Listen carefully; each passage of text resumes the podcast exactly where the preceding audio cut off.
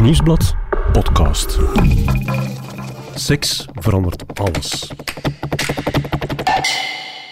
Zoenen, voor mij is dat echt heel belangrijk. En ehm, met mijn vorig lief, ja, wij, wij konden echt... Ja, dat was heel intiem, heel sensueel ook. Totale overgave.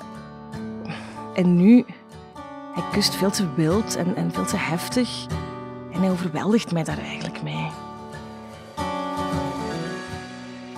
Zoenen. We doen het elke dag. Vluchtig aan de schoolpoort of ergens in de lucht naast je wangen.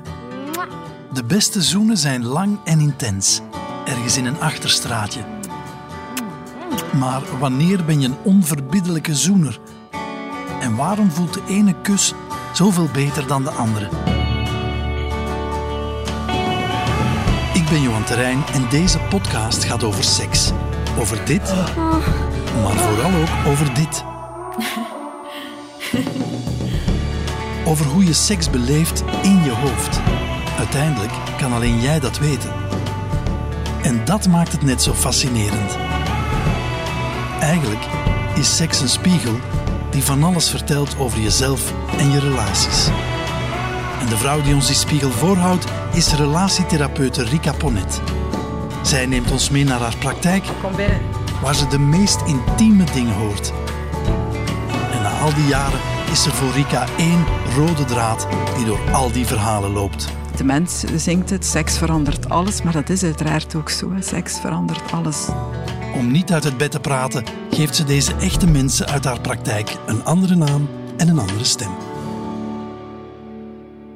Vandaag ga ik het hebben eh, over Lien. Eh, Die is een tijdje geleden bij me langs geweest, een paar keer. Ehm Lien is een vrouw van vooraan in de dertig, ongehuwd.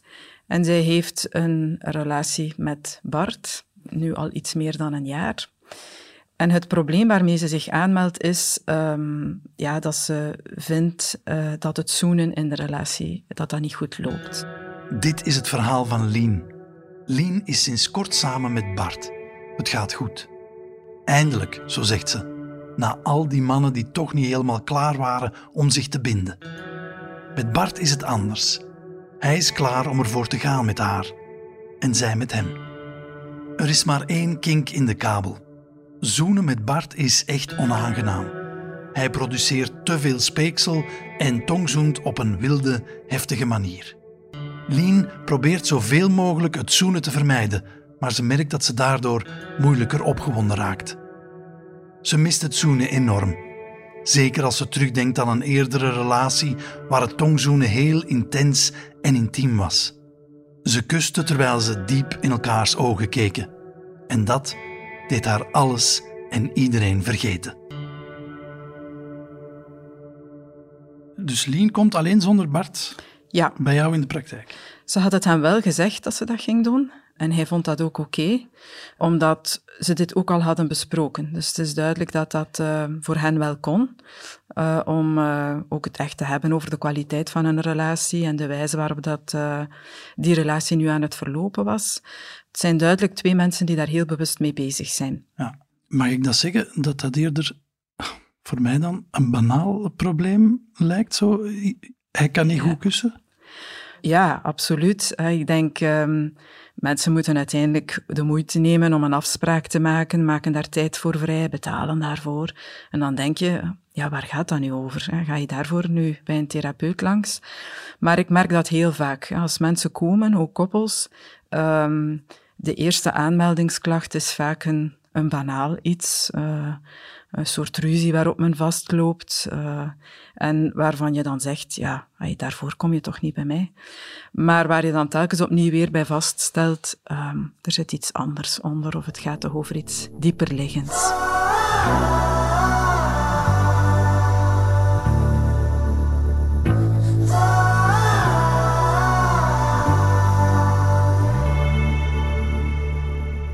wat, was er mis met de kussen eigenlijk? Eh, Kan je beschrijven wat haar probleem was met de zoenen van Bart? Ja. Eh, ze vindt eigenlijk dat, ja, dat er geen echte afstemming is. Ze heeft het gevoel van, ja, ik doe het niet graag met hem, ik vind dat zoenen niet leuk. Ehm, hij heeft ook te veel speekselproductie, hè, dus eh, het is te nat. Ehm, het is te heftig, dat vooral.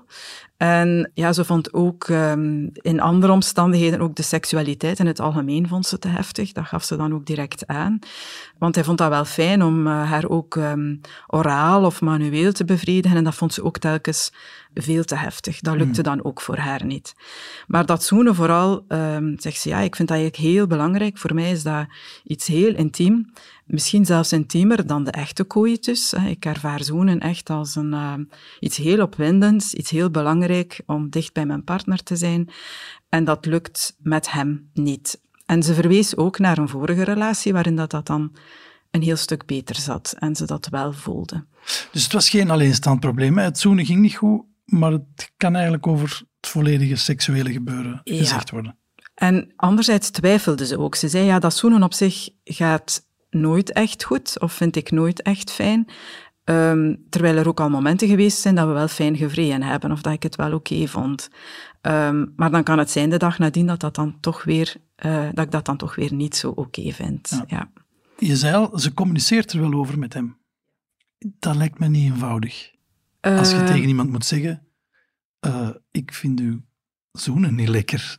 Ja, nu... Um, ze communiceren erover in de zin van, ja, ik vind wat er tussen ons op het vlak van intimiteit gebeurt, fysiek, um, ik heb het niet altijd graag op het moment dat jij het wil. Hè. Ze had het nog niet echt gehad over, ik vind dat je te veel speeksel produceert op het mm. moment dat je zoent. Um, maar wel... Um, het was nog in bedekte woorden. Het was nog, inderdaad. Omdat ze ook voelde, en daarvoor kwam ze ook een stuk langs, denk ik, ik wil hem ook geen pijn doen.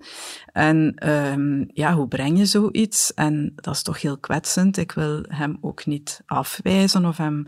En ze had ook al aangevoeld uh, dat hij daar toch een stuk onzeker over werd. Uh, van het moment dat, uh, ja, ze, als ze dan de zaterdag bijvoorbeeld, als ze op weekend waren, wel gevreden hadden en ze hem ook fysiek had toegelaten.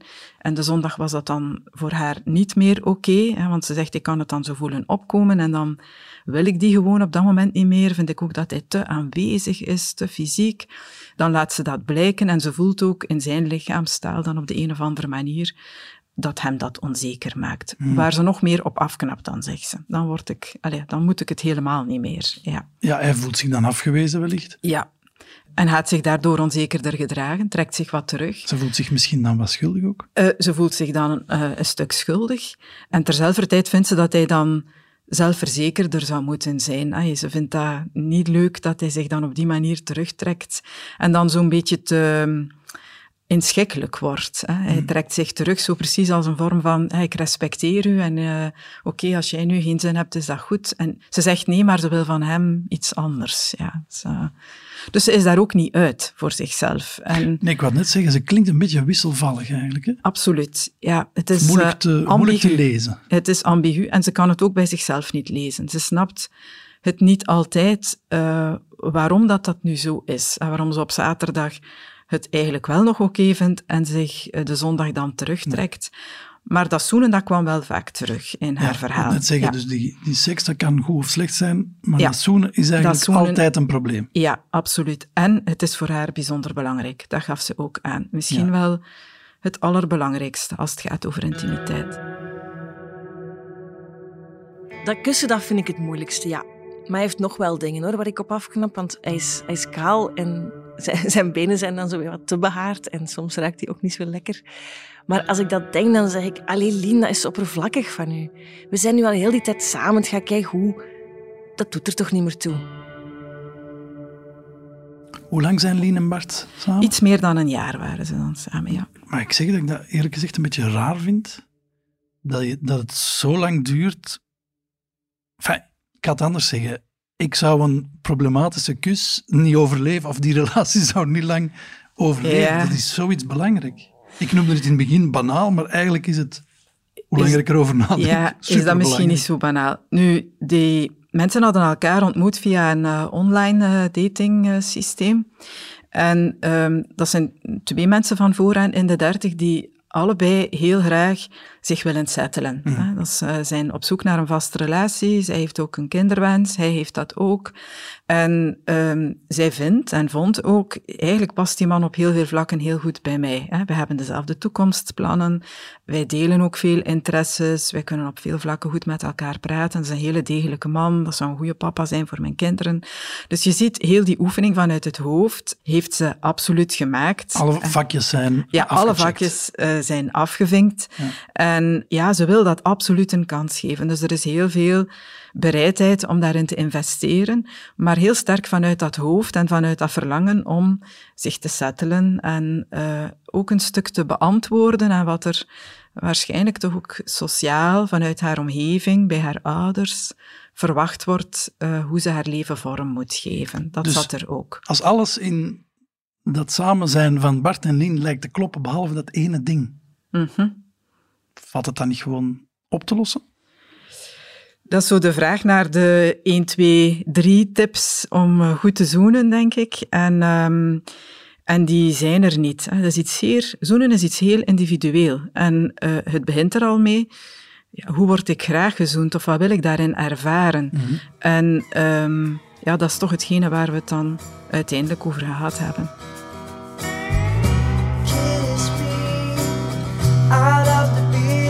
Barley nightly beside the green, green grass.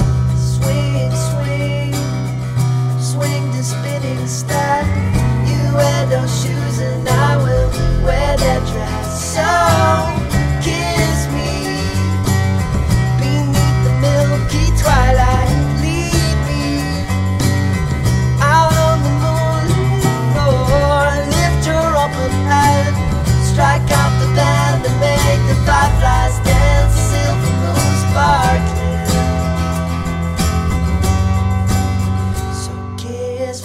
Als je heel wild tongzoent, heeft dat zo'n bepaalde dynamiek. Maar je kunt ook zo heel teder en zacht tongzoenen. Dus die twee dingen vind ik alle twee heel tof. Maar dat bepaalt zo wel veel in de seks. Dus ik vind de tongzoen eigenlijk de motor van de seks. Ja, ik denk direct, mmm, lekker.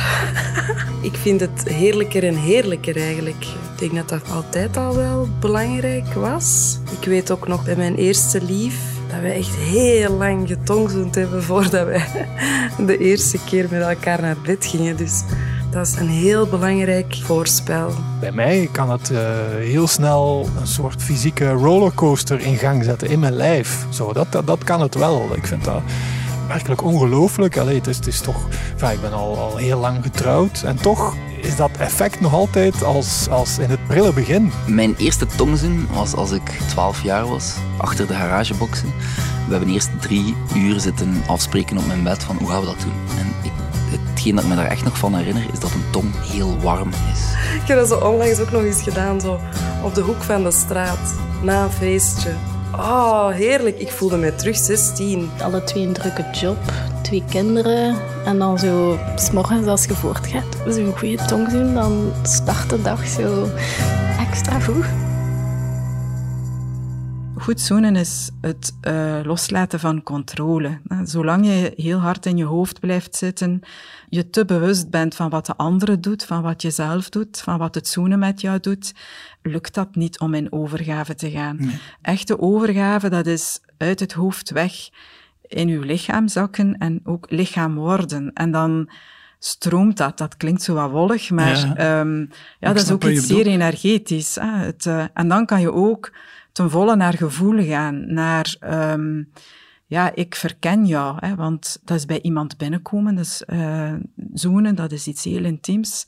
En ja, je verkent ook de binnenkant van die mond, dat is de meest sensitieve plaats die we hebben, hè, onze mond. Um, en op het moment dat je dat doet, uh, binnengaan en ook iemand binnen laten komen, is dat een loslaten van controle. Ook daardoor opgewonden kunnen worden, wijst per definitie op, ik ga in mijn lichaam. Hè. Ik, uh, ik laat de anderen toe en ik word daar helemaal opgewonden van. Ja, ook, want ja. zoenen is, is vaak ook gewoon een ideaal voorspel. Hè? Dus, dus, Dat is dus het voorspel, ja, denk ik. het ja, voorspel. Het voorspel, ja. Je wordt opgewonden van te zoenen Je wordt en enorm- daardoor kan het verder. En daardoor kan het verder. Ja, het is ook het fijnste voorspel, eh, samen met strelen en aanraken. En, um, voor veel mensen is het zelfs iets intiemer dan penetratie. Omdat het, ehm, ja, je komt met je gezicht heel dicht bij elkaar, je kijkt in elkaars ogen. Dus je, ja, ja, je gaat in elkaars hoofd binnen. Hè. Dat je is voelt letterlijk ook aan die ander hoeveel die zich, of hoe weinig die zich overgeeft. hè. Absoluut, ja. En ehm, de genitale coitus kan je op veel manieren doen, hè, eh, waardoor je zelfs de andere niet hoeft aan te kijken. Maar als we stellen dat, dat zoenen de intiemste penetratie is eigenlijk, Ja, zou het dan kunnen dat, dat Lien dat, dat nog niet kon opbrengen, dat ze hem daar niet kon toelaten. niet kon toelaten. Ja, daar zijn we uiteindelijk ook op eh, uitgekomen. Hè. Bij haar twijfel van, is dit nu eh, de man met wie ik verder wil? Maar in het algemeen, bij haar angst om dat soort keuzes te maken. En ze benoemde het ook zelf op een bepaald moment zo van... Ja, misschien is het feit dat dat zoenen niet goed lukt, ehm, blokkeert er bij mij iets. En ze voelt dat ook wel bij zichzelf, dat er iets blokkeert. In eerste instantie wijt ze dat aan hem, aan zijn ja, niet afgestemde manier van kussen. Maar eh, ze heeft dan ultiem wel door van, eh, ja, maar ja, ik blokkeer, waardoor hij probeert. Voelt dat er bij mij een vorm van een muur zit, eh, dat dat niet goed lukt, dat ik mij daar niet aan overgeef, waardoor hij zich gaat terugtrekken, onzekerder wordt, ik het nog slechter ga vinden, enzovoort en zo verder. Dus, ehm, Ik, eh, ik heb een medelijden met Bart, hè, want hij doet zo hard zijn best. Hè. Hij, hij, hij voelt dat zij passie nodig heeft, dus hij probeert haar passioneel Ja. te kussen en zij knapt daar volledig op af. Ja, en zij wijst hem daar wisselend op af. Hè? Ja. Want er zijn momenten dat ze hem wel toelaat, en dat is misschien nog het moeilijkste voor hem. Daardoor wordt iemand pas echt onzeker. Hè? Voelen dat er momenten zijn dat het precies wel lukt. En de dag nadien doe je net exact hetzelfde en dan moeten ze je niet meer. Eh, Ja. dus inderdaad, ik denk dat ze zelf medelijden had met hem. En vooral ook daar een groot schuldgevoel rond had, een soort van schuldbewustzijn. Ze had natuurlijk een voorbeeld in haar hoofd van hoe ze het graag wilde. En, hè, dat zei je Ja. net al, een vorige relatie waarbij het kussen heel passioneel was was. en En passioneel heel, was. ah, ja. Nu, eh, daar hebben we het ook een, eh, een sessie over gehad. Ja, wat, wat dan wel? Of eh, wat werkt voor jou wel? En dan refereerde ze altijd opnieuw weer naar die eh, relatie. En ehm, ja, dat ging dan over een man die niet dit soort beschikbaarheid had. Ze had iemand leren kennen, iemand die veel reisde en dat eigenlijk ook wou doen en ja, zo nog een tijdje een vrij leven wou leiden. die zich niet vast wou binden. Die zich niet wou binden, die zich Ja. niet wou settelen. Ja, maar dat ooit wel wou. Hè? Dat, dat soort eh, uitspraken van ja, ja, eh, later. Hè? Ehm, en ja, ze vond die heel aantrekkelijk. En die relatie was ook wat vreemd afgelopen. Ehm, ze hadden een hele passionele nacht samen beleefd, waarin dat er enorm vaak en heel veel intiem gezoend was. Zegt ze, ik heb dat nooit meegemaakt en dat was zo fantastisch. En s ochtends hebben we afscheid genomen ehm, en hij zei tot snel. En ze heeft hem niet meer teruggezien. Oei. Ja, dus daar zijn we dan een, een stukje ook op doorgegaan. En waarschijnlijk aan zijn kant eh, ja, werd het verhaal te concreet en te reëel en voelde hij ook dat die vrouw zich daar, dat Lien zich daar volledig in gaf en daar absoluut wou mee verder gaan. Eh, waardoor hij zijn biezen pakte, figuurlijk gesproken en letterlijk ook. En van haar kant, ehm, ik denk, en eh, zo zag ze het uiteindelijk ook wel, misschien was mijn overgave in dat contact ook mogelijk, omdat er een soort van eh, begrenzing in zat. Hè, dat ik, Het was veilig. ja, het was veilig. En het was veilig omdat het op een rare manier eh, controleerbaar was. Hè. Ze had al de boodschap gekregen, ik reis verder. Het is niet voor direct, het wordt niet direct concreet. Misschien ooit. En dat was dan ehm, ja, de reden waarom dat ze ook bij zichzelf dan voelde, ja, ik, ik kan er volledig mee aan geven. Hè. Ik, kan, ik kan in overgave gaan. En... ehm, Misschien ook een soort van veroveringsdrang van ik wil hem toch overtuigen van het feit dat ik de moeite ben om te blijven, dat hij misschien toch beter stopt met reizen en zich wel beter settelt met mij. Ja. Dus in dat zoenen van haar kant, ja, daar zat toch ook een andere bedoeling onder, denk ik. Ja. In die overgave dan. Die hè. overgave kon zo groot zijn, enerzijds omdat het veilig was, Ja, en anderzijds omdat ze toch hem proberen te veroveren op die manier. eigenlijk ja. op zijn minst een band met wilde. Ja, want dat vergeten we soms. Ja, eh, ik zeg dat heel vaak. Seks verandert alles, maar zoenen zeker ook. En zeker dit soort van zonen, waarbij dat je eh, zo intiem eh, met elkaar bent en zo lang en een hele nacht samen bent en zo. Ja, dat is een soort van hechtingssysteem dat, niet een soort, dat is heel het hechtingssysteem dat op gang wordt getrokken. En ehm, dat creëert een gevoel van verbondenheid dat, eh, als, als het voor beide goed zit, wat fantastisch is, maar wat mensen soms ook angst aanjaagt, omdat ze ook ervaren van, nu wordt dit echt concreet en nu gaat dit voorbij lust en genot, nu wordt dit, eh, nu wordt dit relatie. En ehm, dat dat dan ook de reden is waarom men zich er op dat moment uit terugtrekt. Ja. Wat voor haar op dat moment wellicht ook pijnlijk was. Enorm pijnlijk, denk ik. Ja, ze heeft dat moeilijk verwerkt. Ze zei dat ze daar maanden over gedaan heeft. Omdat, eh, en tot op vandaag, dat eigenlijk, zegt ze, mocht hij nu aan mijn deur staan, ik weet niet of ik de kracht heb om er nee tegen te zeggen. Dus, eh, Eigenlijk kopieert ze hem nu een beetje, hè?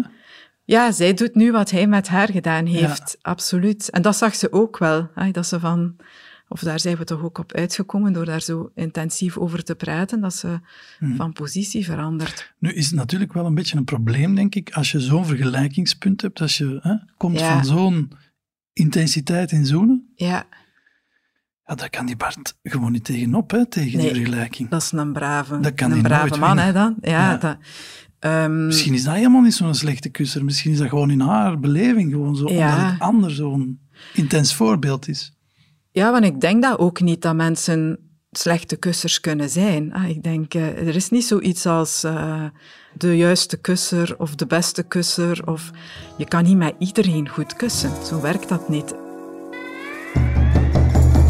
Is it in his sight? Oh no, he'll be deceived. Is it in his sight? Oh no,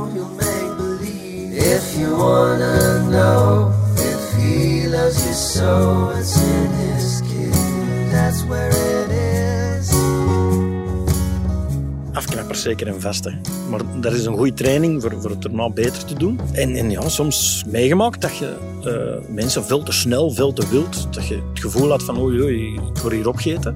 Ook ja, te nat. Dat je een badhanddoek nodig had voor je kop af te, af te drogen. Tijdens een verkoudheid, geen aanrader.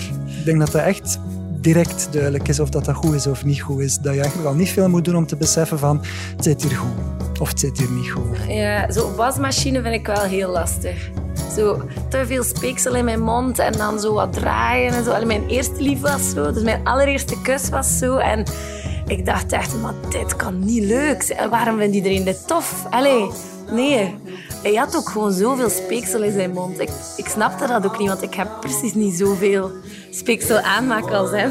Ik heb ooit gemuild met iemand. Maar ik ken het zo'n muil en achteraf moet je zo je mond afvegen.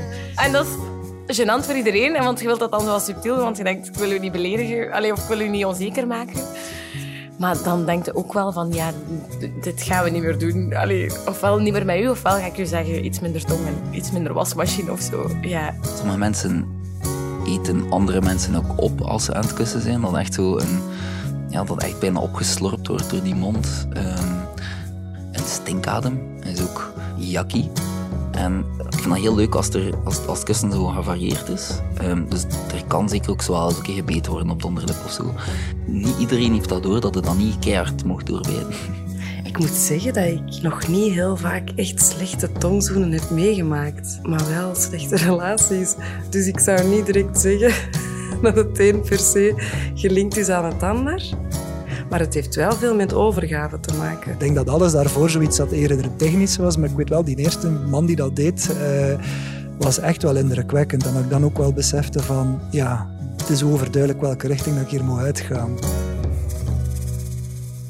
Zoenen zijn dus een bijzonder intieme voedingsbodem, zeg maar de potgrond van een relatie. En toch, als je twee zoenende mensen van op een afstand bekijkt, is dat toch wel een beetje een heel raar gebruik.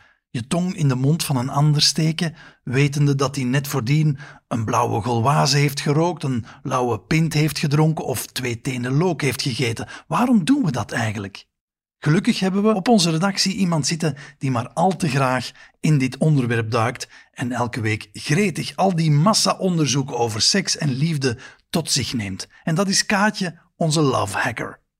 Kaatje, dat tongzoenen, dat muilen, dat amandeltennissen, dat kopkluiven, dat aflebberen, dat bekken, dat huigzuigen, dat tongworstelen, dat French kissing gedoe. Is dat eigenlijk iets wat de mens altijd al heeft gedaan? Johan, rustig blijven, man. Maar ik begrijp het wel, want je bent niet de enige ter wereld die dat elkaar aflebberen maar iets raars vindt. Zo was er het Tsonga-volk in Zuid-Afrika die in 1898 voor het eerst in contact kwamen met onze westerse cultuur en hun mond viel open toen ze zagen dat wij elkaars spuug opaten. En zij zijn niet de enige. Er is een stam in Brazilië die kussen weerzinwekkend vindt. En sommige Chinezen die zien een kus op de mond als cannibalisme. Er zijn trouwens ook geen dieren, eh, met uitzondering van wat bonobo's, die tongzoenen gebruiken op de intieme romantische manier eh, waarop wij het doen. Dus stelt zich de prangende vraag waarom dat wij het eigenlijk wel doen, samen met ongeveer de helft van alle culturen over de hele wereld. Er zijn een aantal theorieën, zo blijkt. Eentje is dat vroeger, in de tijd dat er nog geen potjes Olvarit bestonden, moeders hun baby's gevoed zouden hebben door het voedsel voor te kauwen en het dan door te geven mond tegen mond. Dat zoenvoeren dat zou dan geëvolueerd zijn naar een manier om kinderen gerust te stellen als er geen voedsel voorhanden was. En zo zijn wij mond-op-mond contact gaan associëren met liefde en vertrouwen en verbinding creëren. Een andere theorie en wat andere wetenschappers die spreken over een soort screeningstest. Een manier om onze potentiële partners eh, te keuren. De geur en de smaak van iemands mond, dat zou een hint kunnen zijn over hoe goed iemands immuunsysteem is bijvoorbeeld. En hoe goed hij is als potentiële partner. Sommige antropologen die denken dan weer dat als een vrouw zoent met een man, er testosteron uitgewisseld wordt wat de seksdrive zou versterken. Op dezelfde manier stimuleert zoenen de aanmaak van dopamine en oxytocine, eh, hormonen die te maken hebben met gevoelens van liefde en vertrouwen. Ja, allemaal mooie theorieën, maar voorlopig weinig bewijzen. Het enige wat wel duidelijk uit onderzoek naar voren komt, is dat vrouwen meer belang hechten aan lipcontact dan mannen. Wij zoenen blijkbaar ook vaker om de band met onze partners te verstevigen, ook na een vrijpartij. En we vinden het ook in lange relaties noodzakelijk. Er is eigenlijk maar één moment waarop mannen meer kussen. Wanneer een kuspartij de belofte inhoudt voor meer. Hm. Niemand die dat verrassend vindt, zeker? Is zo'n eerste kus eigenlijk nu een, een, een goede graadmeter voor het relationeel potentieel, zeg maar? Ik vind dat wel. Ja, vanuit mijn werk, maar ik denk dat ook persoonlijk dat dat een, um, een hele grote betekenis kan hebben, absoluut. Maar het is geen noodzakelijkheid om tot een goede relatie te komen of om tot goed kussen op termijn te komen. Het lukt niet bij iedereen direct van bij aanvang goed. Dus er is wel evolutie mogelijk in zoiets? Absoluut, ja. ja. Dat bleek in dit verhaal niet. Integendeel, het ging een beetje van kwaad naar erger, als je het uh, zo mag omschrijven. Ja.